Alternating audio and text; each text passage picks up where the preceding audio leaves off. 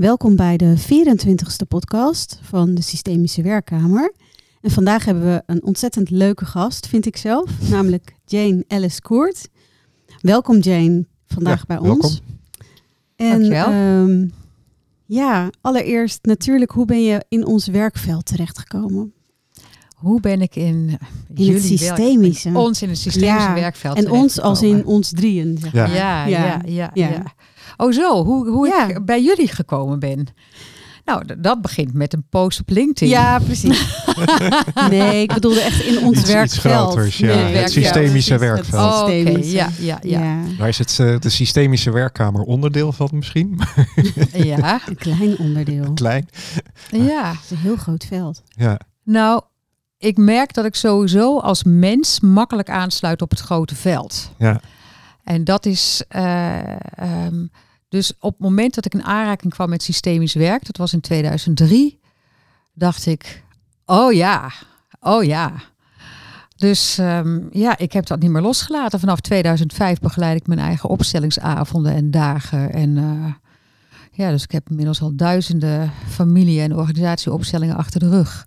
Prachtig. En ehm, ja, voor mij is het echt een manier. Het is geen quick fix. Hè. Dus soms zien mensen het als een quick fix. Dan Ja. ben ik altijd heel alert. En dan zeg ik ook, dat is het niet. Maar het geeft zo'n prachtig beeld over jouw onbewuste beeld van je vraag. Ja. En, ehm, en het mooie vind ik dat, dat vaak mensen ook nog wel even stuiteren op hun eerste beeld als het dan staat. Eh, of als ik merk dat ze het neerzetten zoals ze met hun hoofd het zien. En als ik dan even het veld wat uit zichzelf laat bewegen. Dan, dus dan is er eerst wat stuiteren en dan laat ik en dan laat ik. En dan, en dan op een bepaald moment dan zie ik zo die inademing. En dan kan ik voelen van ja, oh nu is de herkenning. En nu is die koppeling met dat onbewuste beeld. En wat er nu staat gemaakt. ja, mooi. En ja, daar hou ik ontzettend van. Dat vind ik gewoon heel erg leuk. Ja. En van dat. ehm, en wat het doet met mensen, is dat ze zich op een diepe, diepe laag gezien voelen. Ja. Wat er ook, wat zich ook toont. ja. En dat het allemaal welkom kan zijn. En dat het allemaal welkom kan zijn. Ja. Ja. Ja, prachtig. Dus ik had nou even de, de eerste opstelling die nou even zo aan mijn geestesoog voorbij gaat, was een paar maanden terug. Begeleid ik iemand uit een heel groot gezin. En zeven broers en zussen van haar waren overleden. En ze was razend. Razend Ja. op het leven. En die razernij was nog nooit zo aan de oppervlakte gekomen. Ik dacht, wat is het helend voor deze vrouw. Dat ze kan zien hoe razend ze is dat zij de klus heeft om als overlevende eh, zeven broers en zussen te overleven. Ja. Nou, dat, ja, en, en nou, dat zette bij haar. Ze ging meteen daarna naar huis. Eh dacht, ik, oh, wat is er fout gegaan, weet je wel. Maar inmiddels is ze weer op de lijn. Ja. En is het het begin geworden voor haar van een zoektocht naar vervullende leven. Ja. Hè, dus, dus de vraag die ze nu heeft gesteld van, goh, wil je met me onderzoeken wat ik kan doen om het leven voller vast te pakken? Nou, dan denk ik, ja, ja, dat zijn dat is toch echt vragen. fantastisch. Ja. Ja. Ja. Ja. Ja. en wat je benoemt, hè, die, die razernij, dat, ook dat is een soort maatschappelijk thema, denk ik. Ja. Dat boosheid, wat- ons wordt zo jong al geleerd dat boosheid eigenlijk niet helemaal oké is. Dus het contact met die boosheid, dat, dat leren we van jongs af aan niet als een vanzelfsprekend eh, stuk emotie, wat, wat er natuurlijk absoluut wel is. Ja, ja, als een richting aanwijzen naar, naar hè, dat iets over je grens is gegaan of zo. Ja, ja, ja, Ja. En eigenlijk als we nu kijken in onze maatschappij, dan is het of boos mag er niet zijn of boos wordt overschreeuwd. Ja. Ja. Dus er is in, in beide gevallen, zou je kunnen zeggen, weinig eigenaarschap op boos. ja. En dat Ja. is zo verschrikkelijk jammer, want het is eigenlijk zo'n mooie emotie. Want het zegt gewoon, hé, hey, weet je wat, dit, dit voelt voor mij niet goed, want het voelt over mijn grens heen. Geef me even wat ruimte om nog wat preciezer te voelen waar het voor mij precies over gaat. Dat is toch echt fantastisch. Ja. Ja, Dat- is, Ja, Dat dat we dit gezonde tot- boze. tot dat, onze dat is- beschikking hebben. Ja. Ja. Precies, ja, dat gezonde boze, dat is iets wat, wat er absoluut mag zijn. En wat er juist kan zijn, omdat we in contact zijn met onze eigen grenzen. Ja. precies. ja, het, is, het is een grenzeloze maatschappij geworden, heb ik idee. In ieder geval een denk belichaamde grens. Ja, kom jij nog wel eens een belichaamde grens tegen? Ik kom dat, Nou, ik zit me af te vragen, en ik vind het mooi dat je het zegt. Is het grenzeloos geworden of is het te begrensd geworden? ja. m- misschien is die tegenstelling juist wel Ik denk, de de, reden dat we elkaar niet meer ontmoeten. de grenzeloosheid leidt misschien tot een stuip tot begrenzing. Nee, ik zou ook zeggen, ze, ze kunnen niet zonder elkaar. Dus, Nee. dus voor Ja. mijn gevoel is het aan de oppervlakte in ieder geval begonnen als iets grenzeloos. Ja. ja, Dus alles wat je wil moet kunnen. ja, Ja. de Hè, dat is maakbaarheid. natuurlijk ook de Mm. maakbaarheid en Ja. nou ja, de manier waarop we de oceanen leegvissen en de landen leegroven. En Ja, nou, dat we vinden dat alles maar moet kunnen. Ouders die hun kinderen ook zo opgevoed hebben. Hè? Dus, Ja. dus- en als het even rimpelig wordt, dat ze als een soort van curling parents de boel voor, voor Ja. hun eh, voeten wegmaaien.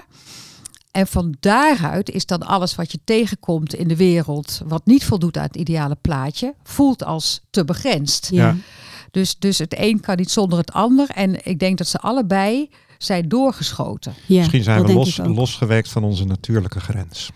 Dat denk ik absoluut. dat Ja, denk ik als, je, als je kijkt naar het, ik vind dat maatschappijbreed, een- het neoliberalisme, wat eigenlijk is dat de overheid gooit zijn taak over de grens heen, misschien kun je het zo zien, waardoor eh, ja, een soort grenzeloosheid op het, op het geld ontstaat. En nu proberen ze spastisch, althans voor mijn gevoel, die grenzen weer te pakken te krijgen door allerlei hap-snap wetgeving, bijvoorbeeld regeltjes, die, wat jij zegt, heel beperkend eh, werken.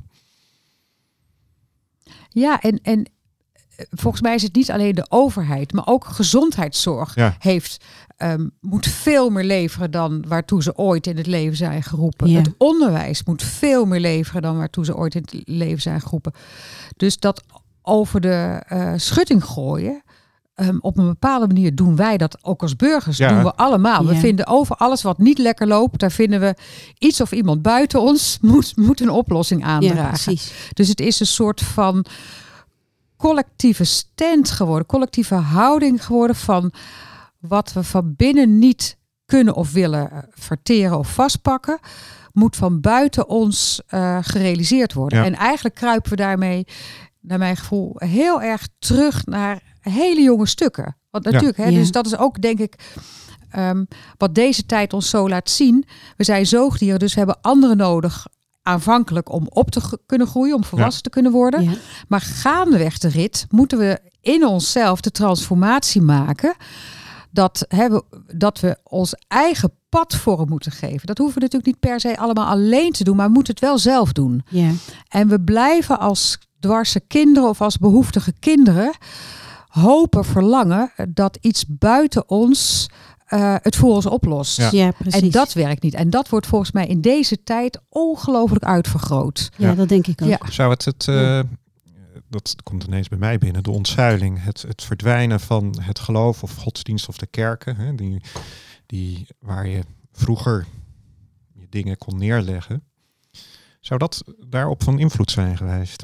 Want het klinkt alsof hè, voor mij ehm, verantwoordelijkheid verdwijnt bij mensen. Verantwoordelijkheid wordt bij de ander gelegd. De verantwoordelijkheid voor het goed voelen. Het verantwoordelijkheid voor ehm, het leven zo voor, kunnen vormen zoals jij het ziet. Als ik, als ik mensen coach en ik neem ze mee terug naar zichzelf, kost dat heel veel moeite. Mhm. Ze kijken altijd, of ze kijken heel vaak naar mij. Van ja, ik geef me over aan jou. Eh, ja.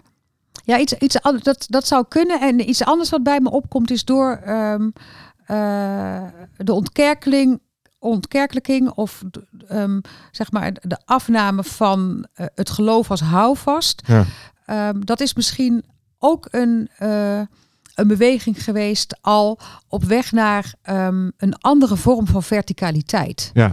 En datzelfde zien we natuurlijk in gezinnen. Hè, als ik kijk naar hoe ik omging met mijn ouders en hoe mijn kinderen omgaan met mij. Ehm, we hebben een andersoortige relatie. We kunnen Ja. meer dingen bespreken. Dat doet ook iets met de verticaliteit. Dat zie je in organisaties. Mhm. Hè? De, dus de, de roep om zelfsturende teams. Hè, die, nou ja, ik zou zeggen, de, de derde poging over de afgelopen twintig jaar. Ehm, volgens mij begint het een heel klein beetje beter te lopen. Of in ieder geval, er zijn nu meer succesverhalen. Ja. Omdat mensen realiseren dan dat het kan volgens mij wel, maar het kan niet bij een beginnend team. Dus je hebt eerst even die verticaliteit nodig. En wij mensen houden van, toch op een diepe laag, archetypisch houden wij ook van een soort van verticaliteit. maar het gesprek over hoe gaan we ehm, de verticaliteit van deze tijd vormgeven. Ja. Dat is misschien niet dat jij altijd mijn baas bent of ik altijd jouw baas, maar dat jij vandaag mijn baas bent omdat je vandaag iets op het programma staat waar jouw expertise zit of jouw ken- Mhm. en morgen ben ik jouw baas omdat ik daar weer iets meer expertise over heb. Dus dat dat Dus een beetje gaan kijken naar ehm, de omstandigheden die de leider in iemand om, omhoog brengen. En dat ook die omstandigheden de leider laten groeien. En dat kan inderdaad de ene omstandigheid, word jij inderdaad leider en de andere ik of Irani.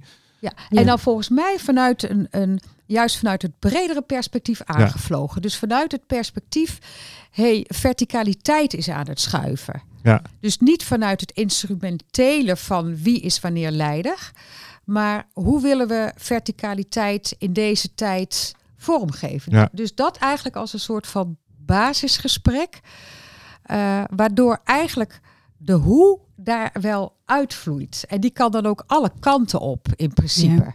Maar als er maar een soort van bewustzijn is van wat er op dit moment gebeurt, he- heeft ook voor een groot deel te maken met dat we opnieuw antwoord moeten geven op verticaliteit. Ja. Terwijl het Ja. een van de belangrijkste ordeningsprincipes is. Ja. Ja, Hè, zeker. ordening is een belangrijk principe, maar het, het, het lijkt alsof eh, ehm, wat daarin dominant is of wat daarin voorgaat aan het meanderen is, aan het meeverschuiven is. Ja, want in feite, al onze levens beginnen in verticaliteit. We kunnen niet Ja. anders. Hè? dat Precies, is waar exact. je over begon. Als ja. zoogdier zijn we zo afhankelijk. We kunnen nog helemaal niet, zodra we geworpen zijn, op pootjes eh, zelf ons Nee. eten gaan halen. Het gaat gewoon niet. Nee. Dus, dus waar zit dan die verstoring op die verticaliteit, voor jouw gevoel? Respect voor leeftijd. Is leeftijd verticaal? Eh, ja, leeftijd is verticaal. Maar ik, ik denk gewoon in de basis in de gezinnen. ja. Dus Mhm. waarin ouders eigenlijk gepredikt hebben naar hun kinderen, alles is mogelijk. En Ja. wij faciliteren jullie tot het graf om dat te kunnen. Ehm, en dan op een gegeven moment blijkt niet alles mogelijk te zijn. Ja, daar moeten we weer opnieuw antwoord op geven. Ja. Ja, dus dan heeft, heb je te maken met ook een stukje schuld. En dan niet de schuld bij jezelf. Of de, en dan kom je weer op verantwoordelijkheid waar Floris het zojuist over had. Ja, dus ergens denk ik dat opgroeiende kinderen moeten leren dat gaandeweg de rit hebben ze meer verantwoordelijkheid te nemen voor hun leven. Ja, En neemt de verantwoordelijkheid voor de ouders voor of jij je wel bevindt af. af. Ja. In plaats van dat het tot het graf plaatsvindt. Ja. Ja. Maar als je kijkt naar de ontwikkeling van onze hersenen, dan is echt vol verantwoordelijkheid kunnen nemen, is pas rond 21. Hebben jongens, wordt gezegd, nog wat later Ja, 23. er wordt Ja. zelfs die frontale kwap is dan pas Ja. uitgehard. Dus, dus dat kan pas daarna. Maar dat wil volgens mij niet zeggen dat je niet al in de puberteit begint met eh verantwoordelijkheid, verantwoordelijkheid. passende verantwoordelijkheid Ja. bij je kinderen te leggen. Ja, En dat kan ook al op de basisschool. Kan je Ja. doen, hè? zeker. Een kind kan best leren dat hij vanaf groep 4, 5 eh, zijn eigen gymtas mee naar school moet nemen. Ja. En Zijn boterham smeren. Precies. Precies. Ja, ja nee, nee, het totaal mee eens. Dus dat, dat zit hem dan toch in die basishouding en ze dat vooral laten voelen. Hoe het voelt om verantwoordelijkheid te nemen en verantwoordelijkheid te hebben en verantwoordelijk te zijn. Want ik vind het, eh, eh, ik denk dat ik dat pas op latere leeftijd ben gaan voelen, maar ik vind het een heel krachtig iets. Verantwoordelijkheid nemen en hebben brengt vrijheid met zich mee. En, Ja, tenzij je daar ook over de scheef gaat en eh, de grens overgaat. En te Ja, nee, ja, alles binnen grenzen natuurlijk. Kijk, de, jou- jouw vrijheid eindigt waar eh, de grens eh, of de vri- vrijheid Ja. van de ander begint. Hè? Dus Zeker. dat is. maar gewoon dat gevoel dat je dus zelf verantwoordelijk bent en daar ook dus vanuit die verantwoordelijkheid wellicht invloed op kan uitoefenen of kunt accepteren dat het zo is. Hè? Mhm. Je hoeft, hoeft, het hoeft niet anders te zijn dan het is. Is een heel krachtig instrument. En vanuit dat perspectief is misschien wel de systemische wetmatigheid geven en nemen Ja. moet in balans zijn. En ouders geven en kinderen nemen. Ja, Ja. Is die soms denk ik ook wel gemisinterpreteerd. In de zin van dat kinderen niks hoeven te geven. Nee. Terwijl eh, kinderen van drie, vier, vijf, die vinden het al heerlijk om het ontbijt klaar te zetten. Ja. Of om ontbijt op bed te brengen. Of hè, de, de vrouw van Notch heeft daar zo mooi over geschreven. Van de, het, deze wetmatigheid is niet bedoeld om kinderen alles uit handen te nemen. Nee. Maar om de verantwoordelijkheden die niet kloppend zijn bij hun, om die niet op hun te plakken. Ja. ja, maar in- zodat ze niet iets van een ander hoeven te dragen. Precies, zodat ze niet iets van de ouders of maar van wel de een eigen zussen- stuk leren dragen. maar wel een eigen stuk leren dragen. En ook de lol, wat jij ook zegt, de lol gaan ervaren. Hoe leuk het is om ontbijt op bed te brengen. Ja. ja. En dan met zo'n wiebelend blad en eh, applaus van de ouders op bed. En dat het allemaal gelukt is. Dat is toch Ja. gaaf als een kind dat meemaakt. ja. En veel kinderen die krijgen die kans niet meer. Omdat ja, dat ook uit hun handen wordt gehouden. Ja. Zonde. Ja. Zonde. ja, dat is zo. Ik denk dat onze oudste zoon, die was denk ik een jaar of zes, gok ik, ik weet het niet meer exact. En eh, die zei, eh, vanaf vandaag wil ik alles zelf bepalen. En toen hebben we gezegd, oké, maar dan, dan moet je ook echt alles zelf doen. Dus dat mag. Je krijgt een budget. En een hele week lang mag je zelf bepalen hoe laat je gaat slapen, wat je gaat eten, op welke manier. En er is één belangrijke regel, dat als je het gevoel hebt dat, dat het niet goed gaat, dan trek je aan de bel. En dan, dan zijn we er helemaal 100%. Nou, dus dat ging dan heel goed. De eerste avond bleef hij heel lang wakker. Vond hij wel leuk. De tweede avond vond hij dat al een stuk minder leuk. En het kwam er eigenlijk op. En hij ging zelf boodschappen doen. Dat was ook heel leuk. Ging hij echt heel gezond brood halen. Helemaal geen Mhm. chips en snoep en zo. Allemaal gezonde dingen. Ja. En zo naarmate de week vorderde, zei hij... Ja, ik ga toch ook maar wat vroeger naar bed toe. Want ik merk dat het me niet zoveel oplevert om zo laat te gaan slapen. Dus zo jong als hij al was, ging hij dat wel zelf experimenteren. En dan wel op een veilige manier. En ehm, ja, wij vonden dat een mega grappig experiment om Ja, te doen. waanzinnig, En om dat te ja. zien, hoe hij dat dan deed. Het was Grappig zo toch? grappig om te zien. Ja. Ja, ik denk ook wel eens van ja, consequentiegericht opvoeden in de zin van laat ze gaan. En als ze een keer nou ja, knie of weet ik veel wat, een arm kapot vallen, ja, daar leren ze, leren ze van, leren ze Ja. hun grenzen van kennen. En eh, ja, de volgende keer. En ook verantwoordelijkheid nemen voor hun gedrag. Want als ze een beetje onbesuisd gaan, dan gaan ze onderuit. Dat soort dingen. En ik denk inderdaad nu eh, op, eh, bij mij, mijn jongste, die mocht op schoolplein niet voetballen. Van school niet? Nou ja, daar hadden ouders geklaagd. Oh. En dan gaat school, eh, die gaat daar niet voor liggen. Hm. Ja, Hè? wat En- zonde. En, en, eh, ja, denk ik ook van. Eh, en het is heel belangrijk om, om je eigen lichaam ook te leren kennen, natuurlijk als kind. Dat soort eh, activiteiten.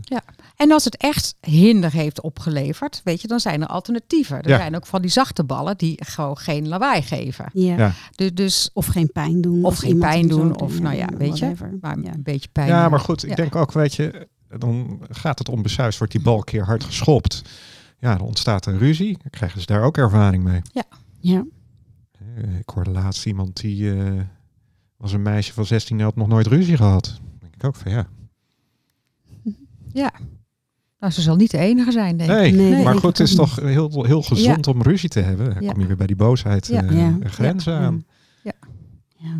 Dus, eh, Ja. Ja. Nee, heel zonde. Ja. Ja. En het is, je kan het meegeven en het is soms ook in het kind zelf. Hè? Want er Ja. zijn ook kinderen die gewoon ook gewoon dus intern vanuit hun blauwdruk zo voor de harmonie gaan, ja. dat die ruzie uit de weg gaan. ja. Dus dat, dat is ook. En dat kan er Kijk, ook dat zijn. kan ook. En dat is ook oké. Ja. prima. Ja. Ja. Ja. Zeker.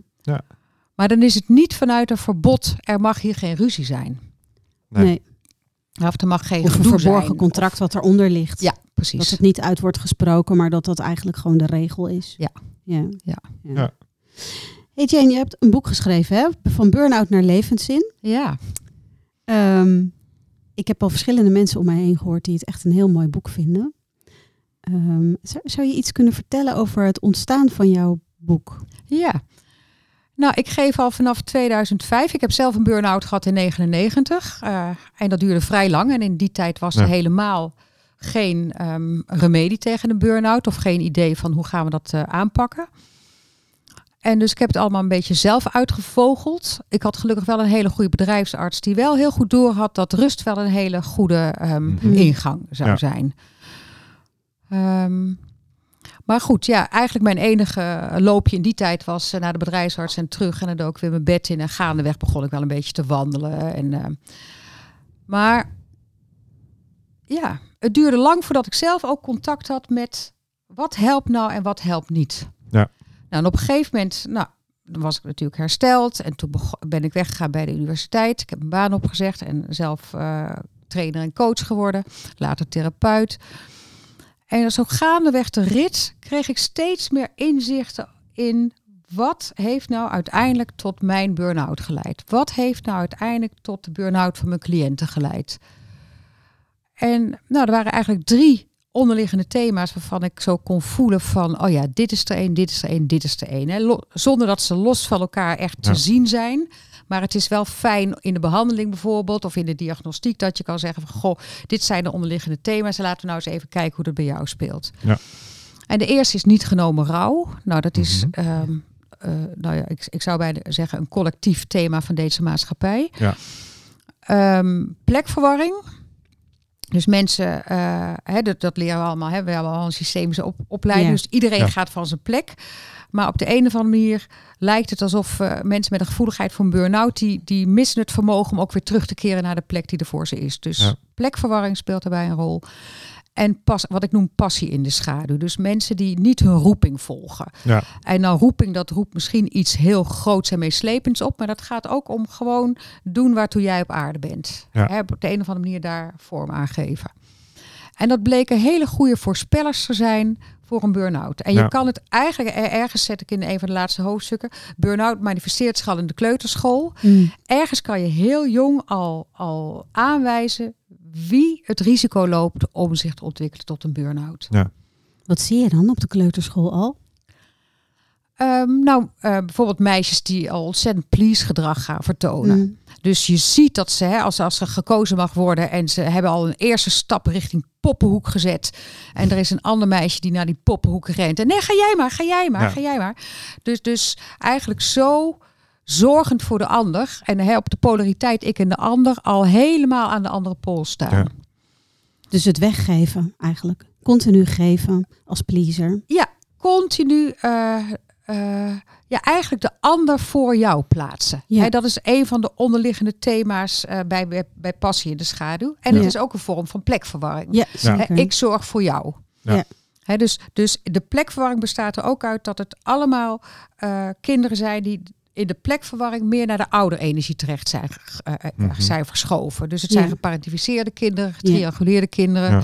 Hè, loyaliteit met het lijden en loyaliteit met het onzichtbare. Ja, die vier thema's die spelen daar dan eh, een rol bij. Een grote rol. Ja. Dus het is, het is meer de verticale verschuiving in de plekverwarring dan de horizontale verschuiving, Ja. is mijn, mijn ervaring. Ja, ik denk dat ik dat vanuit onze praktijk ook wel zo zie. Ja. Ja, uit eigen ervaring weet ik ervan. Ja, ja. dat. Ja, dus je eh, neemt meer verantwoordelijkheid Ja. op je dat goed voor je is. Je draagt meer dan wat van jou is. Eh, Ja. je, je, je loopt voortdurend de gaten dicht, eh, omdat Ja. je gaat voor de harmonie. Nou ja, ik vond die van geven en nemen, daar zit hij natuurlijk ook heel sterk op. Op Ja. het moment dat jij alleen maar geeft, je moet, hè, je moet jezelf ook kunnen laven aan het nemen. Hè, op, Ja, aannemen. voeden. En, en, Ja. en als je jezelf niet kan voeden, dan put je jezelf ook uit. Ja, precies. Dus eh, Ja. dat, eh, ja, Nou, en die is op een bepaalde manier, zou je kunnen zeggen, ook heel nauw verbonden met niet genomen rouw. ja, Want hè, kinderen die te veel in de oude energie zijn gekomen, die gaan ook maar door, door, door. Ja. En als we kijken naar de levenscirkel, eh, nou dan neemt niet genomen rouw een hele belangrijke plek ook in eh, op de levenscirkel. En die niet genomen rouw, is dat in het gehele systeem, dus door de generaties heen? Of zit dat... Hè, want als ik naar mijn eigen systeem kijk, daar zit heel veel dood in aan, aan vaders kant. En waar ik inderdaad ook achter kwam dat dat niet genomen is. Maar Mhm. dat zit niet in de lijn boven mij. En wat bedoel je in de lijn boven mij? Nou, mijn ouders. Ja. Maar mijn grootouders. Ja. Maar als het in de lijn van je grootouders zit, zit het ook in de lijn van je ouders. Ja, Toch? op zich wel. Ja, die zullen dat wel meegenomen hebben. Ja. En of ze daar dan iets op hebben kunnen doen, of wel of niet daar bewustzijn op hebben, dat, dat weet ik niet. Nee, Ja, dus vaak als de grootouders niet gerouwd hebben, dan hebben ze wel iets anders gedaan. Ja. Bijvoorbeeld de mouwen opstropen en door. precies. ja, Of Ja. stoppen met leven. Hè, dus eigenlijk al met één been in de dood staan. Eigenlijk Mhm. gewoon hè, een, deel van hun ziel mee laten reizen met de overledene. En jouw ouders moeten dan toch iets hebben aangetroffen van of afwezige ouders of ouders die alleen maar doorgaan. Ja. Hè? Ja. Nou, ik Dus- denk dat inderdaad afwezigheid van ouders ook iets door de generaties heen is. eh, Ja, bij Ja, ja. Ja. ja. Dus ergens betekent dat dat, dat jouw rouw, jouw, zeg maar in jouw lijn gaat er dan over om dat te nemen. Dus dat je Ja. afwezige ouders hebt gehad. Ja. Hè, dus het gaat niet altijd over dood. eh, rouw. Het gaat gewoon Nee. over verlies in de meest brede zin van het woord. Het kan Ja. gaan over verlies aan gezondheid, eh, verlies van je favoriete baan, eh, Verlies niet in van het eerste liefde, elftal, ja. verlies Ja, van liefde. gemis. Ja, Ja. ja, Gemis ja. wat er is geweest. Ja. Ja.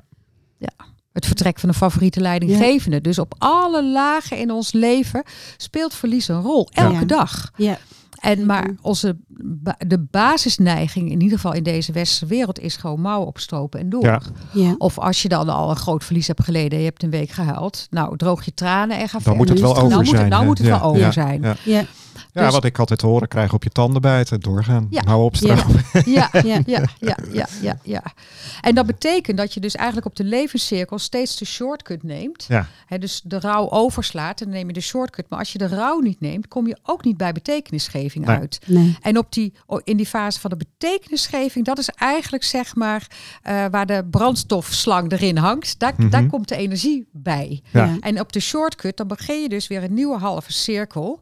Eigenlijk met een klein beetje minder energie. Heb je in eerste instantie niet zo door, maar als je dat 4, 5, 10, 20, 50 keer doet, Ja. dan word je op een ochtend wakker en dan denk je, man, Kan niet meer. alsof Ja. ik, eh, weet ik wat, eh, vijf flessen Ja. wijn leeggezopen heb. Ja. Hè, maar het- eigenlijk is dat dan een signaal van, eh, nou, je lichaam zegt eigenlijk stop. Ja. En omdat je al zo lang op wilskracht bent doorgegaan eh, en je al überhaupt al niet meer geluisterd hebt naar de signalen van je lijf, doet je lijf het zelf. Die neemt het gewoon over van je. Ja. Ja. Maar zie jij dan ook ehm, daar echt een patroon in? Hè? Dus even verlies, een stapeling van verlies bij eh, personen. Van inderdaad dood, eh, baan. Absoluut, absoluut. Dat, dat dat een terugkerend thema is in het leven. Ja, ja, dus als ik dan vraag van, goh, weet je over welke verliezen heb je onvoldoende gerouwd? Ja, Hè, dus dat geef ik dan vaak mee in, een, eh, als een van de eerste huiswerkopdrachten. Dan komen ze met een A4'tje terug, bij wijze van Ja. spreken. Ja. Als ze eenmaal doorhebben welk, welk scala het allemaal kan Ja. beslaan. Ja. Dus eh, ja, en dat, dat is een enorm, ehm, enorm vat van, van energielekken. ja, Ja.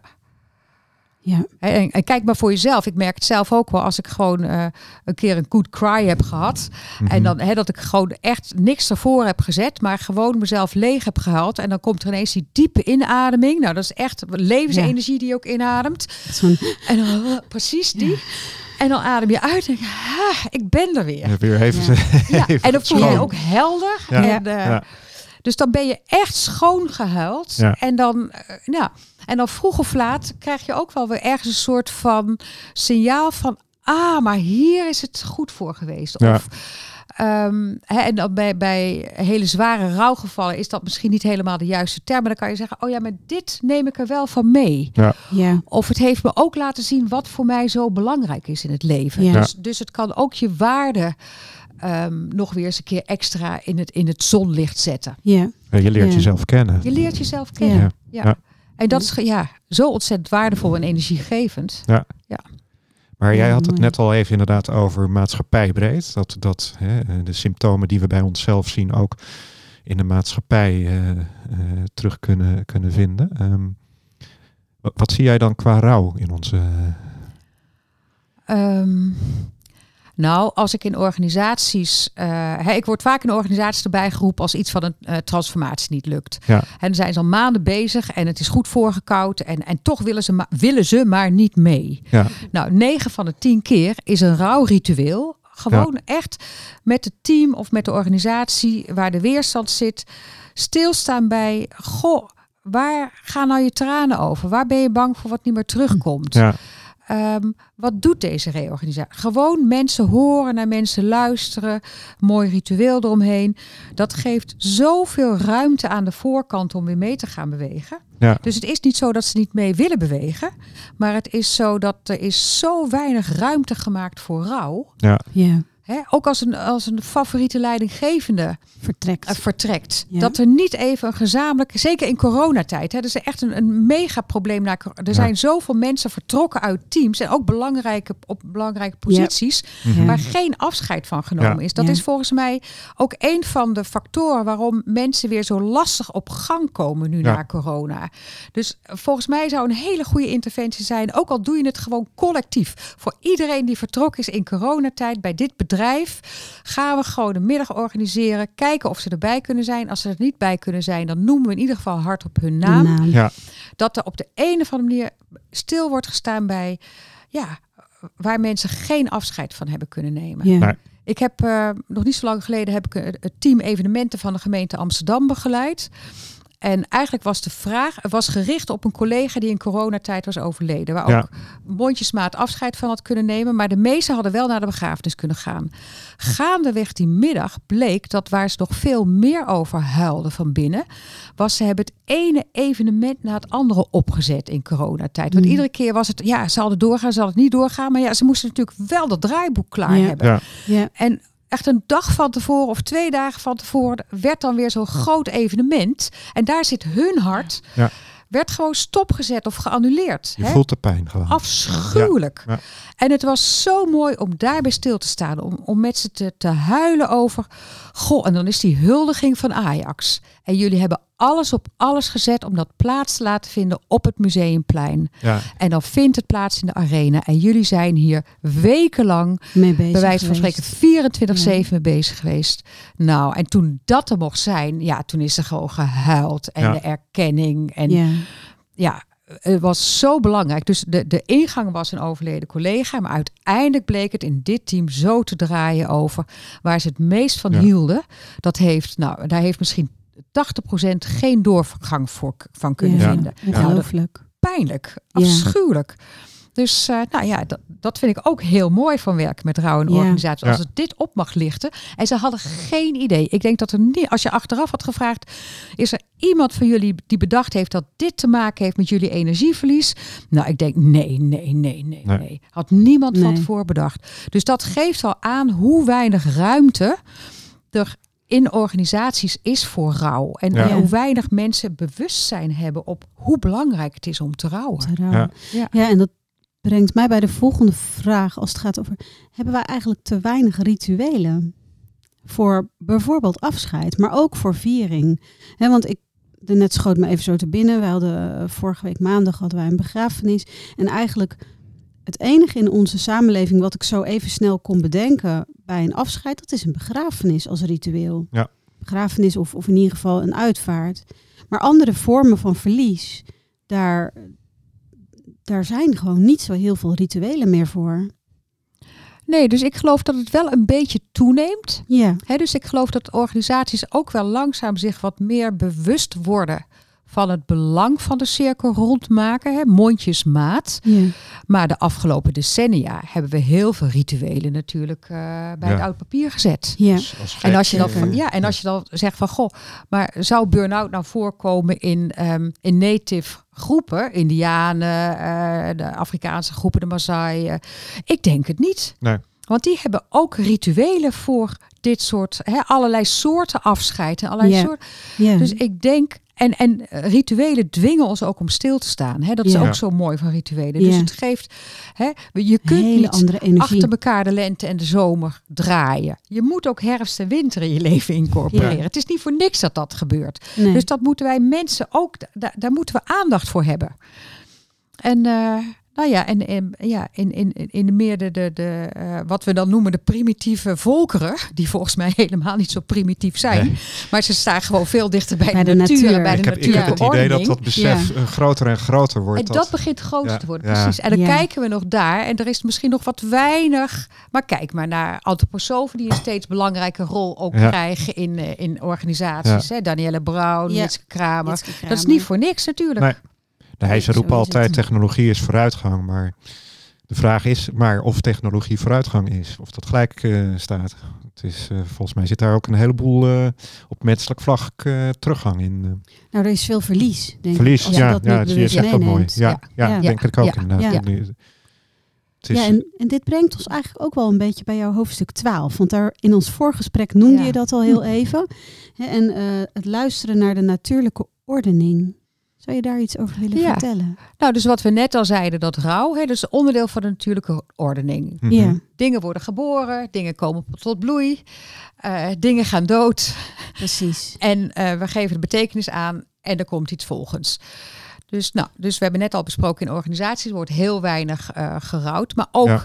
ehm, als je kijkt naar de hele manier waarop bijvoorbeeld eh, de politiek en het RIVM om is gegaan met corona.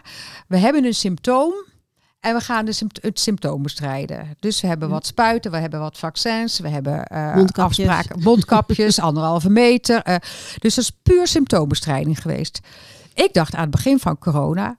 Ik, ik, ik was ook wel een beetje blij op de een of andere. Want ik Ja. dacht, dit dwingt ons, dit mondiale virus dwingt ons om stil te staan bij hoe heeft het zover kunnen komen. En, ehm, en dat doet het eigenlijk op die schaal nog steeds niet. Het is niet meer zo dat iedereen met een ander geluid onmiddellijk van LinkedIn wordt gehaald. Nee. Maar het is wel pijnlijk om te zien. Ik ben zelf ook een paar keer met een paar posts van LinkedIn gehaald. Gewoon van, uit mijn perspectief hele gezond verstand, menselijke vragen, thema's aangeroerd in relatie tot corona. En de volgende dag was ik onvindbaar. Ik denk, huh? Dat is Was je echt... hele profiel ook... eh, Nee, mijn profiel was nog overeind, Alleen maar de, de- posts, de ja, post. ja, Post was ja, de gevaarlijke posts waren weggehaald. Ja. Dan denk ik, jeetje mina, wat is dit? En ook gewoon de, de journalisten die ook zo mee zijn bewogen. Hè, met alle, Ja. alle maar, ja. En zo weinig vragen over, hey, wat maakt dat we zo ver gekomen zijn? Wat maakt dat dit nou zo mondiaal iets is geworden? Ehm, is er misschien iets waar we rekening mee kunnen houden? Is er misschien iets wat we zelf kunnen doen? ja. Eh, hoe gaan we nou hè, eh, ehm, de onderliggende thema's die hierbij een rol spelen, laten we die nou eens onderzoeken? Eigenlijk is dat nog nauwelijks gedaan. Nee, Nee, het is? Dat- en we zijn drie jaar verder, hè? Ja. Ja, precies. En, eh, nou, en er spelen natuurlijk allerlei dingen. En het is heel erg bijvoorbeeld ook gerelateerd aan de hele klimaatvraagstukken. ja. Het wordt niet met elkaar verbonden. Dus het blijven allemaal zo. Hè, dan hebben we het Losse weer over de boeren. Maar het gaat niet over de boeren. We hebben een klimaatprobleem. Ja. We hebben een, een groot klimaatvraagstuk. ik heb, ik, voor mijn gevoel zitten we op een heel snel rijdende trein. eh, en zien we de muur steeds sneller dichterbij komen. En is, eh, het, het klinkt misschien een, heel, een beetje doemdenkerig, maar de enige oplossing dat we de klap krijgen. Ja. En de klap is niet, misschien dachten we dat de klap corona was. Maar ehm, ik denk dat eh, als je kijkt naar het klimaat. Wij waren in Frankrijk dit jaar op vakantie. eh, aan de Atlantische kust, waar normaal de, de gemiddelde temperatuur eh, tussen de 20 en de 25 graden ligt. We hebben vijf dagen hebben we 40 plus gehad. Ja. En de helft van Frankrijk stond in de hens, om het zo eens te zeggen, Ja. eh, aan branden. Ja. Plus nog eens de rest van de wereld wat in de brand staat. Dat is natuurlijk Ja. het, exponentieel toenemend, of die snelheid waarmee dat gaat, dat Ja. is alleen maar versnellend. En het culmineert nu ook. Hè? Ja, dus, dus, ja. dus dit soort. En, en dus dit is het klimaat. Maar het is natuurlijk ook, nou, waar we het net al over hadden: politiek, Ja. gezondheidszorg, eh, eh, onderwijs. Dus op alle fronten eh, lijkt het nu. Maar goed, als je kijkt, eigenlijk dacht ik, corona is het signaal. Nu zijn we drie jaar verder. Het moet nog, het moet nog ernstiger Ja. worden. Het grappige is, Ik denk, waar houdt het op? Wanneer gaan we, wanneer gaan we nou echt ja zeggen tegen het roer om? Ja. Ja. nee, maar ik Nou, heb het ja. idee dat ehm, de angst of de pijn die dit, dit proces waar we nu in zitten met zich meebrengt, eh, mensen steeds verder van hun verantwoordelijkheid en belichaming wegdrijft tot het moment dat het niet meer gaat. Want op het moment dat jij eh, beseft dat je verantwoordelijk bent, verantwoordelijkheid kunt nemen, op het moment moet je het wellicht ook gaan nemen. En dat betekent dus dat je moet gaan afwijken van de groep. Wat jij met je LinkedIn hebt. Ja, en op het moment dat we thans afwijken van de groep. En je zegt het zelf, je wordt verwijderd van LinkedIn. En ik zie hele genuanceerde berichten eh, verwijderd worden tegenwoordig. Waarvan Ja. ik denk van mensen die denken, ja, maar dit, als je het dan over wappies hebt. Volgens mij zijn die mensen gewoon bij het volledige verstand. En die zitten niet in een soort tunnelvisie waarvan je denkt van ja, die kunnen niet, niet meer anders kijken of, of, of monitoren of voelen. Maar eh, Die, die, mm. een, gewoon een andere blik en ook ander gevoel beredeneerd. Balans, eh, in de balans tussen lichaam en hersenen. Hele reële dingen roepen.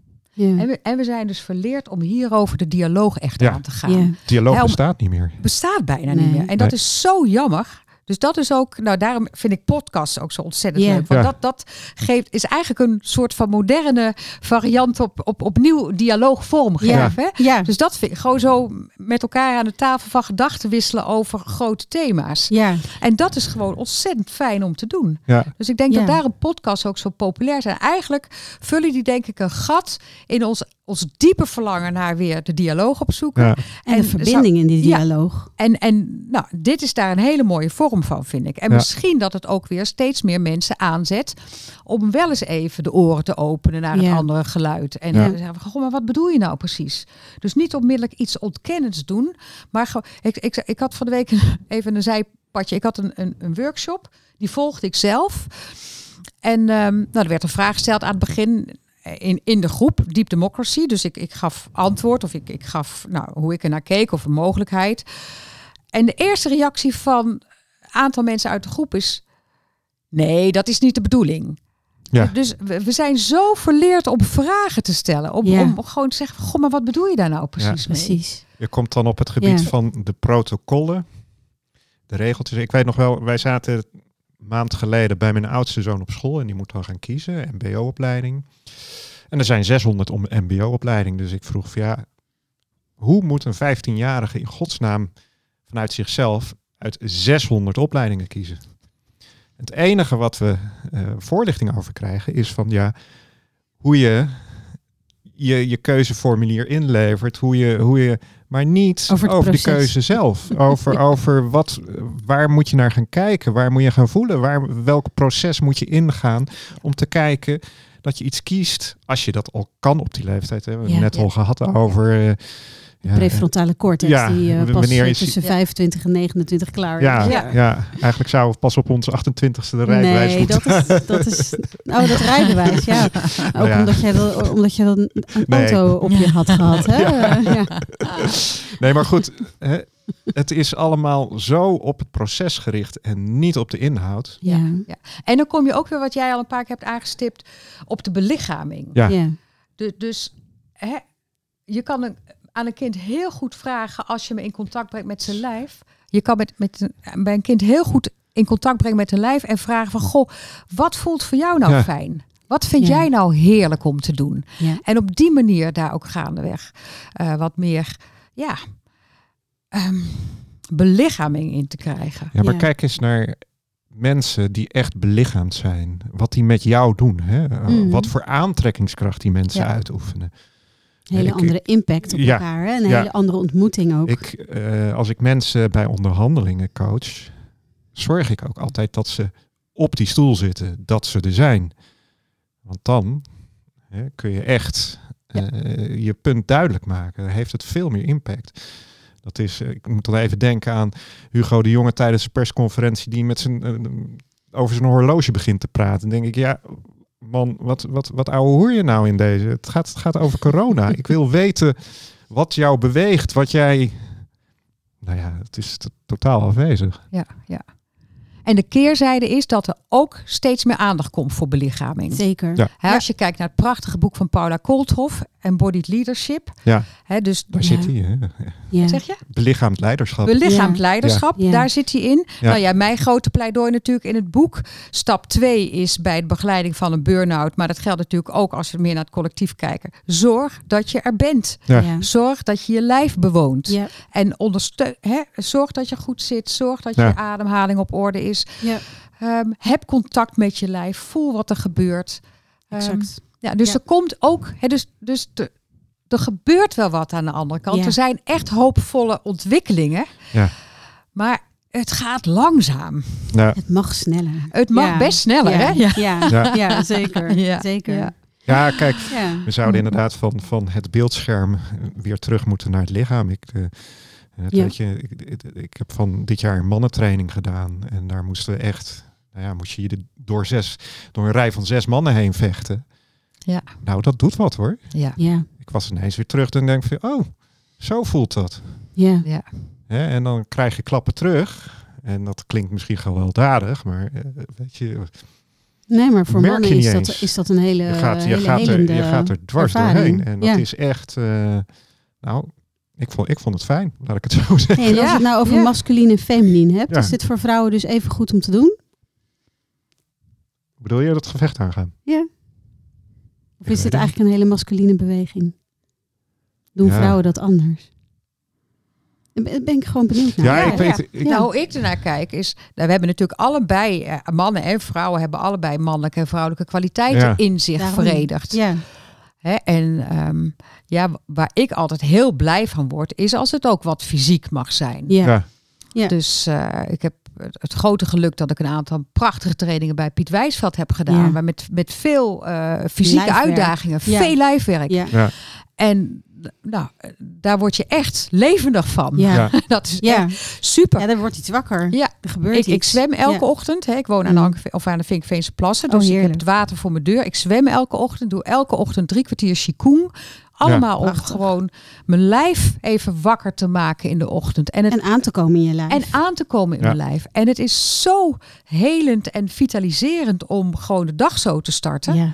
Dus ja, ik, ik, ik zou niet meer anders willen. Nee. Nee, Nee. nee, het is... Mooi. ja, Nee. En jij Dus- zwemt dus het hele jaar door. Ik zwem het hele jaar door. Ja, ja, ja, ja. Mooi. lekker. Ja. Heerlijk. Ja. Ja. Dat, eh, dus, eh, Nee, dat is echt een cadeautje. Ja, Ja. ja. om dat vuur in jezelf te voelen als je gewoon uit het water komt. Dat je denkt, ah, de vlam is aan. Het brandt weer. ja, het brandt. precies. Ja, echt Ja, fantastisch. mooi. Ja, ja, ja. Gaaf. zo, elke ochtend even de douche op koud. ja. Ja. Het ook even van, Ja. poef. Ja, Ja. daar is die weer. Maar dat is ook een goede manier om Ja. je lijf aan te zetten. Ja, ja, ja, ja. Dan zeker. heeft iedereen zo zijn eigen dansen. Ook Ja. een fantastische manier om je... Ja, Ja, ik dans graag. Koud waterbad in de achtertuin. ja. Ik moet wel heel eerlijkheidshalve bekennen dat ik er al een poos niet in geweest ben. Mm. Dat was deze zomer eh, bezet als kraamkamer van alle muggen. Oh, ja. ja, nee, dat is geen ideale omstandigheid. Nee, voelde een beetje Nee, raar nee. om daar dan in te stappen. Ja, wat moest jij dan doen om daar weer je plek in, in te nemen? Hè? Ja, water leeg laten lopen. Het ding leeg laten lopen Ja. en opnieuw vullen. Ja. Mm, Maar ik ben afgelopen dinsdagavond wel heerlijk naar de sauna geweest. En Ja, eh, dat werkt ook inderdaad. Ja. dan eh, ook in het koude bad en buiten. Hitte, kou. Onder de sterrenhemel. En het was volle maan. Ja. Dus het was echt een perfecte avond. Ja, Ja. ja. Dat dus, is ook een manier om weer in je lijf te zitten. Ja, De toen bij verduren. twee weken geleden lag ik zes nachten in de Sahara onder de sterrenhemel. Ach, Oh, wat gaaf. Ja, ja, ja. Ja. dus gewoon wandelen, Ja. zandkilometers weglopen. Wauw. Heerlijk. Ja, ja, ja. Oh, dat, dan voel je ook wel dat je leeft, denk ik. Absoluut. Ja, Was ja. het afzien ook of dat niet? Ehm, Liep je in eigen tempo? ja, je liep heel erg eigen tempo. Je liep ook in stilte. Dat is ook fijn. Ook een fijne Ja. manier Ja. om, hè, om, hè, om je te lijf te blijven voelen. Hè, dus in gesprek kunnen we soms ook ons lijf zo verlaten. Verlaten. Ja. Dus eh, nee, ik vond het niet zwaar. Ik vond het eigenlijk juist op. eh, ehm, dus in de overgang dat het. ehm, ja, dat je de makkelijke uren gehad had, Mhm. vond ik het lekker worden. Omdat je op een bepaalde manier kan ik dan nog makkelijker in mijn lijf landen. Ja. Dus dan, dan worden gedachten stiller. eh, dan kom ik in die cadans. Eh, ja, nee, eigenlijk is dat juist. eh, Ja. ja, als ik moeier word, eh, gaat het lopen op een bepaalde manier fijner, omdat alles eromheen valt weg. Ja. Ja. Alsof een soort gevecht in jezelf stilvalt. ja, al die, precies. en- ja. Al die innerlijke dialoog, die wordt Ja. dan langzaam maar zeker een klein beetje rustiger. En eh, ja, Ja, heerlijk. mooi. Ja. Mooi, om, mooi om te horen. Ja. Ja. Ja. Ja, ja. Ja. Ja. Eh, dus, eh, Ja, bewegen. Ja. zeker. Nou ja, dat is natuurlijk ook mooi. Hè? Als we nog even teruggaan naar hoofdstuk 12. eh, Het andere thema, zoals dat we ons als mens te groot maken. Ja. Hè, dus dat vond ik ook zo mooi in de woestijn. Er was gewoon verder niks. Bedoel je dan als, als mens te groot maken van het soort dualiteit? Dat wij zetten onszelf buiten, boven, wellicht boven de natuur en dergelijke? Of, Ja, we vinden dat we recht hebben op vis Ja. op ons bord. Dus Ja. dan vissen we de oceanen leeg. We vinden dat we recht hebben op allerlei soorten groenten op in elk moment van, van het jaar. Eh, we halen het overal vandaan. Eh, Ja. Dus we overvragen de aarde. Ja. Ja. En, eh, en dat leidt tot uitputting. Zowel van de aarde als van ons. Want Ja. het voedsel wat wij tot ons nemen, heeft niet meer die kwaliteit dat het, die het 50 jaar geleden had. Nee. Dus eh, ja, dus als we ons, ons hoofd weer zouden buigen naar, hey, wat zou het grote geheel dienen? Wat zou aarde en mens dienen? Ja. In plaats Ja. van wat zou mens dienen? Nou ja, het een mooi begin is de, hè, het besef dat je onderdeel ervan bent. Dat we hè, dus de levensloze dingen, de levende dingen, we zijn allemaal onderdeel van die aarde. We komen er ook uit voort en we gaan er ook Ja. weer naar terug. Ja. En dat je inderdaad dat kunt meenemen in je leven. Ja. Ik, hè, toen ik dat besef kreeg, merkte ik dat er dan ook een, kom- komt een soort rust. Hè, je kunt er ook op vertrouwen, op het leven. Dan, eh, Ja, en, en het is makkelijker om je eigen interne kompas ehm, vast te blijven houden. Ja. Hè, dus dat er steeds eigenlijk zo'n beweging is naar waar heb ik zin in Ja. en past het? Waar heb ik zin in en past het? En dat is fijn, dat je Ja. zo die beweging kan maken ja. tussen je eigen kleine verhalen, je behoeftes en wat goed is voor het grote veld en voor de mensen om je heen en voor de wereld om je heen. Ja. Ja, ja, ja. Nog even, even terug naar dat recht hebben op vlees. Dat gevoel, hè, om, eh, dus het klinkt als iets moet gecompenseerd worden. Of althans, zo komt hij bij mij een beetje binnen. Leg Ehm, dat eens uit. nou, Hm, Wat jij bedoelt. ik heb het idee dat onze levenskwaliteit zodanig slecht is geworden eigenlijk. In de zin dat wij een leven moeten leiden, en dat zeg ik expres moeten. Ja, of dat we dat bij onszelf opleggen. Eh, en dat doen we collectief, ook bij de ander dus. Ehm, wat zo vervelend is, dat we denken van ja, nou ja, daar moeten we dan maar een soort quick fix voor hebben. Dus zoetigheid, eh, het vlees, al met het idee om, om maar even heel vluchtig dat lekkere gevoel te pakken te krijgen. Een beetje die endorfines, natuurlijk ook beeldschermwerk wat je, wat je krijgt van eh, even die, die puls van Ja, eh, een soort dopamine kick. ja, dopamine shotje. Dat is hem inderdaad. Ik ben nu even kwijt waar Maar ik gaat dan eigenlijk naartoe. eigenlijk over verslaving op een bepaalde manier. Ja, Ja, recht begon hebben op. over begon over recht hebben op op. vlees. ja was jouw zou dat recht, re- het idee van het recht hebben op. ehm, Dat het eh, rechtvaardig is, om, omdat we al zo uitgeput zijn op dat een we eigenlijk gewoon een gat voelen. Wat we willen vullen. Het gat Ja, waar dus- normaal ja, leven ja, zit. Ja, Dus dat, daar, Ja. daar sluit ik op aan. ja, Want Ja. dat is volgens mij waarom we in het recht hebben opduiken. Ja. Ja. Omdat we eh, niet meer gewend zijn om leegte te voelen. precies. En volgens mij gaat, heeft dat ook weer een veel diepere oorsprong naar ons als kind. Als kind was leegte bijna altijd, het gevoel van leegte, was altijd verbonden met iets deficiënts. Ja. Er is iets niet. Ja. Honger, vieze broek, eh, ehm, alleen zijn. eh. dus eh, de leegte moest gevuld worden om ons weer Ja. comfortabel te voelen. En eigenlijk is mijn idee dat we. Dat, ik ervaar in ieder geval leegte tegenwoordig heel vaak als een vat vol potentieel. Waar Ja. Iets nieuws zich uit kan Er is ontstaan. ruimte. ruimte. Er is ruimte. Ja. Er, er kan iets nieuws ontstaan. En dat is lang niet altijd aantrekkelijk. Mhm. Hè, Ik heb de afgelopen weken zelf ook in, in zo'n persoonlijk proces gezeten. Dat ik dacht van iets wil zich aandienen en ik krijg er geen vat op. Ja. Ik werd er ook af en toe al helemaal kierenwiet van. En dan voel ik ook, oh, dan, dan trek ik naar die leeg te vullen. En als Ja. ik de- gewoon de discipline kan opbrengen om erbij te blijven, aandachtig mee te zijn, te weten dat vroeg of laat zich wel iets ontvouwt uit die leegte. Me weer bewust wordt van dat ik dus ook de neiging heb om die leegte als deficiënt te kwalificeren. En denk ik, oh ja, maar is dat zo? Kan het ook een vat vol potentieel zijn? Ik merk al als ik die vraag stel, dan word ik al stiller van binnen. En dan Ja. kan ik er makkelijker bij blijven. Ja. En, en dat leren zien en leren erkennen, dat de leegte die we nu voelen, heel vaak geen deficiënte leegte is, maar gewoon Nee. eh, zeg maar een, een, een vat vol potentieel is waar zich iets nieuws uit wil ontvouwen. En we zitten in een enorme transformatietijd, Ja. waarin de ontvouwing trager gaat dan we gewend zijn. Ja. Ik weet niet Ja, of er jullie zit dat heel veel snelheid. Ja, Ja. Dus, dus waar je vroeger soms ook, ook met cliënten zo 1, 2, 3 keer wat, weet je, dan zat je er Nu bovenop. duurt en- het en, veel langer. en Ja. nu Ja, duurt het langer. En volgens mij Ja. heeft dat te maken met dat zich grotere bewegingen aan het Ja. aftekenen zijn binnen ons en om ons heen, die we nog niet kennen. Ja. die Ja, ik zie het een beetje eerder. als een soort van eh sinusgolfachtige bewegingen. Ja. En eh, onze sinusgolf is een wat kleinere, smallere golf die wat vaker heen en weer gaat. En ja, zeg maar, we, we liften mee zeg maar, op een golf die wat grotere bewegingen heeft. En het lijkt alsof we nu in een soort tegengestelde beweging zitten met wat groter is. Ja. En dat de enige manier om daar weer contact mee te maken is volgens mij vertragen nu.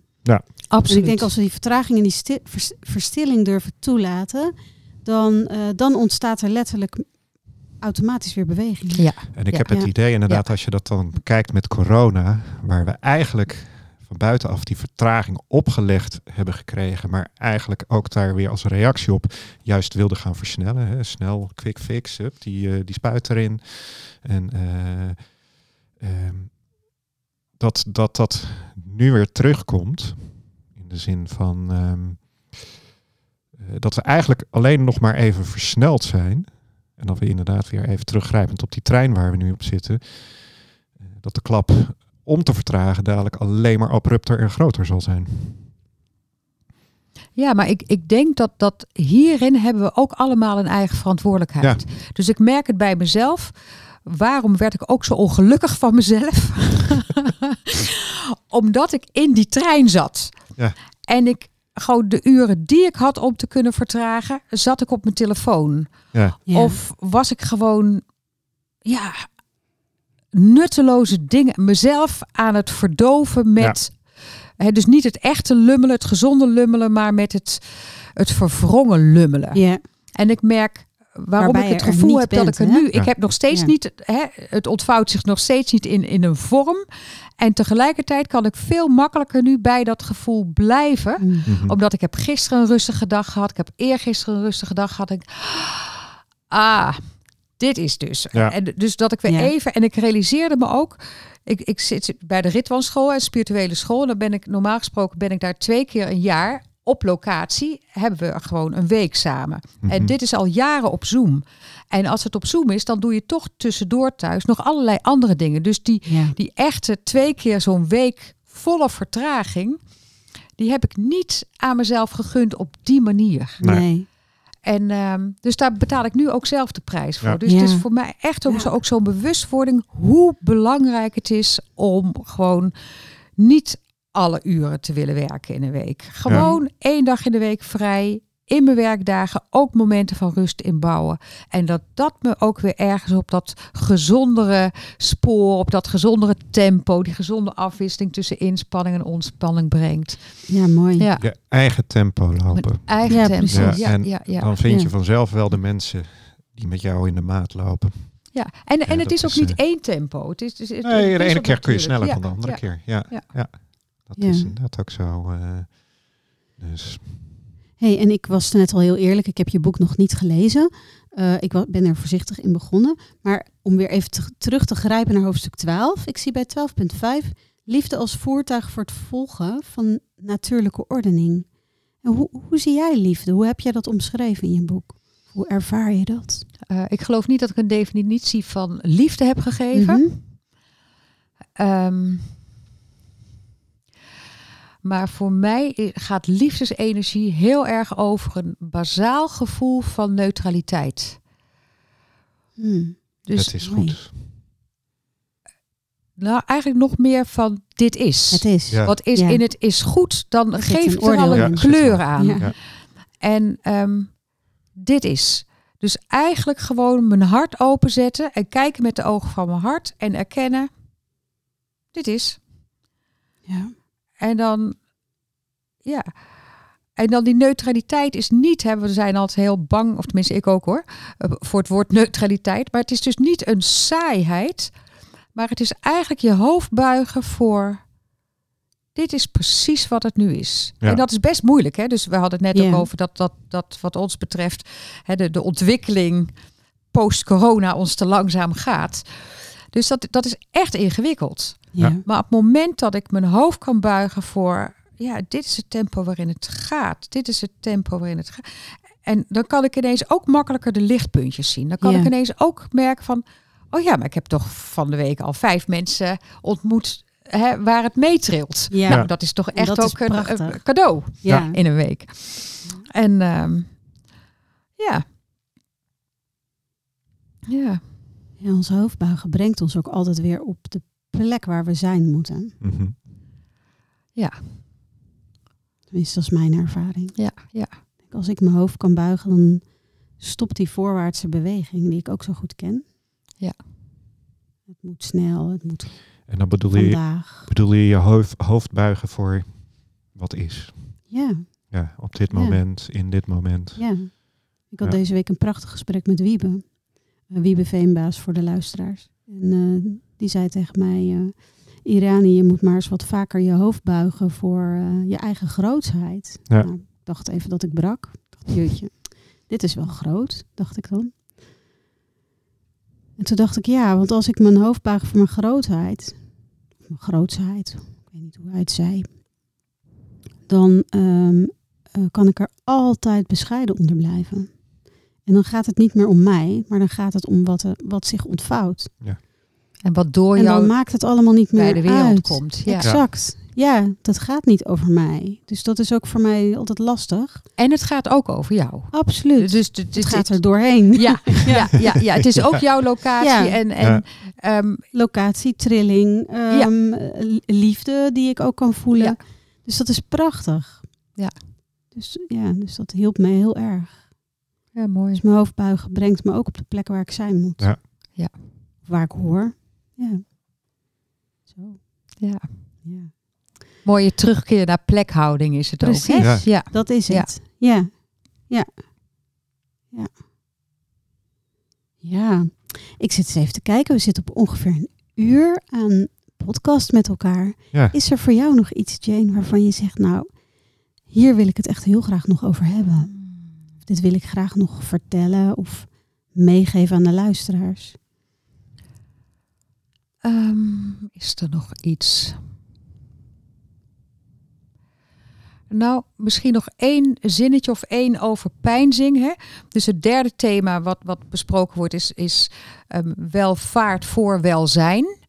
De, er zit een soort van Ja. collectieve schrik op dat welzijn je geen brood op de plank oplevert. Hmm. Hmm. Nou, ik zou gewoon aan de wereld willen vragen: check dat echt oprecht of dat zo is. Ja. Ja. Want mijn diepe overtuiging is dat welzijn brengt de meeste welvaart. Ja. En misschien dat we dan over twintig jaar wel een hele andere definitie van welvaart hanteren. Maar er, er is genoeg. Ja. Uh, en als we heel dicht blijven bij onze eigen kleur, onze eigen blauwdruk, onze eigen zielstrilling, uh, dan maken we volgens mij de wereld echt een beetje mooier. Ja, Ja. Het, het leven is er niet op uit om jou onderuit te halen of jou tekort te doen. Nee. Het leven, het zegt het al, heeft alleen maar baat bij leven. Dus het leven zal ervoor zorgen dat jij als mens en dat de dieren kunnen leven. En als je daarop kunt vertrouwen, volgens mij, uh, en dat is een hele spannende. Ja, en, en ik vind het prachtig hoe je het woorden geeft en ik voel hem ook helemaal. Ja. En ik voel ook dat er een hele grote groep aan mensen leeft, nu op dit moment in deze tijd, voor wie dit misschien ook wel moeilijk is om te verstaan. Ja. Mensen die onder de armoedegrens leven, die niet het geluk hebben om mensen tegen te komen waar ze, ja, waar ze dit in kunnen ervaren. Dus hoe, hoe zouden we dat nou met elkaar kunnen, toch die boodschap toch verstaanbaar kunnen maken of voelbaar? Ja.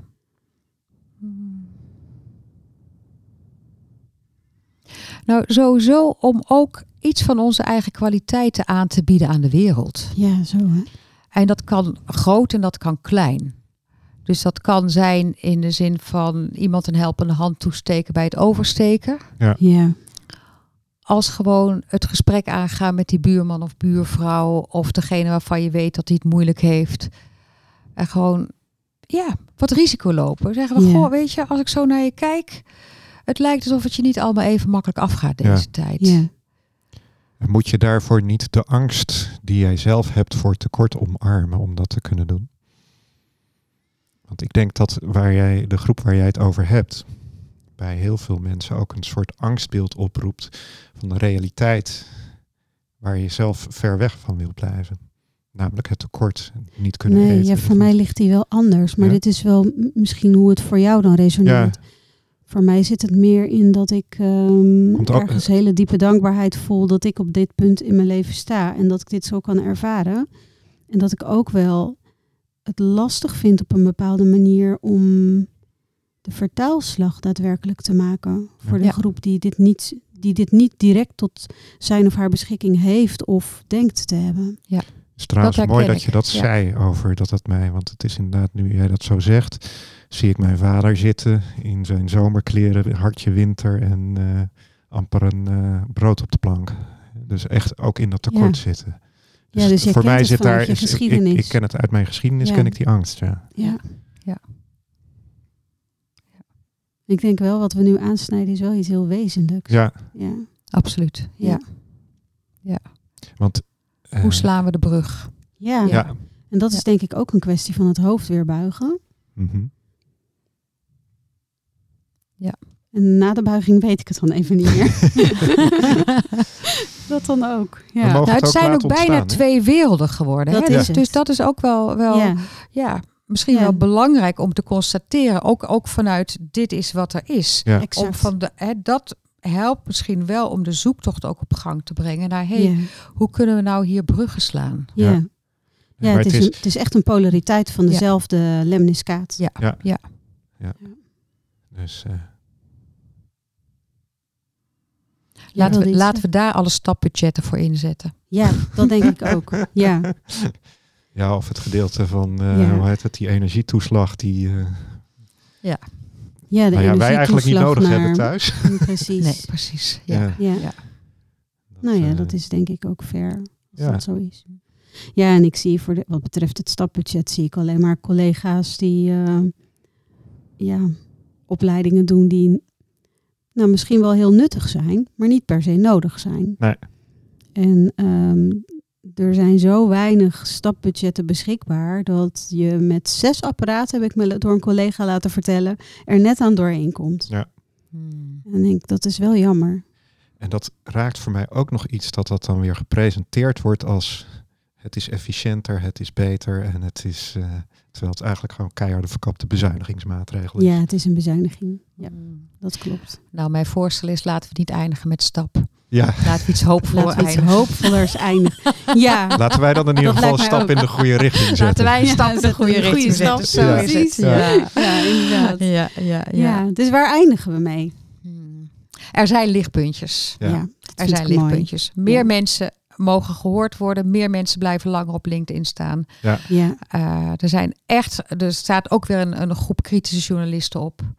Ehm, wij wij hebben Ja. het hier over. Ja. Ja, Ik heb het idee dat de nuance en de dialoog eh, meer en meer ruimte krijgt. ja, Dit, eh, Ja. Dus eh, ik zat daar even op inhakend. Ik zepte gisteren even op tv en toen kwam ik langs Poont. Nou ja, voor mijn omroep waar ik niet direct... eh, en zowaar werd daar genuanceerd over eh, de uitspraak van de Raad van State met betrekking tot stikstof gesproken. Dat alle kanten belicht werden. Nou, ik vond dat, dat, dat vond ik toen echt vond ik reuze meevallen. Dus dan denk ik, ja, dat is wel een lichtpuntje. Mm, Kan je weer echt ademhalen, hè? Ja, Ja. ja nee, maar serieus. Ja, Ja, ja, ja, dat dus, merk ik zelf Ja. ook. Ja. ja. Ja. Ja. Nou, dat lijkt me een hele mooie om mee af te sluiten. Nou, Ja, Ja, Super bedankt voor je komst. Ik vond het een heel mooi gesprek. Ja. ja, leuk. vond ik ook. Ja, vond bijzonder. echt Ja. een fijn gesprek. Ja, ja. Ontzettend leuk om je hier eh, zo te Ja. ontmoeten. Ja. En ehm, nou, ik ga zeker mensen doorverwijzen naar je boek. Nou, Ik ga hem ook nog lezen. Ja, dankjewel. Ja. Laat me weten wat je ervan vindt. Ga ik zeker Ik doen. inderdaad ook. Ja. Ja, mooi. ja, ik heb hem ook nog Ja. niet gelezen. En Oké, leuk. dat is, eh, lijkt mij mooi. Nou, top. Nou, voor de luisteraars, dankjewel voor het eh, meeluisteren als je hier nog bent. Ja. En ehm, ehm, heel graag ehm, tot de volgende keer. Bedankt. Dag. Dag.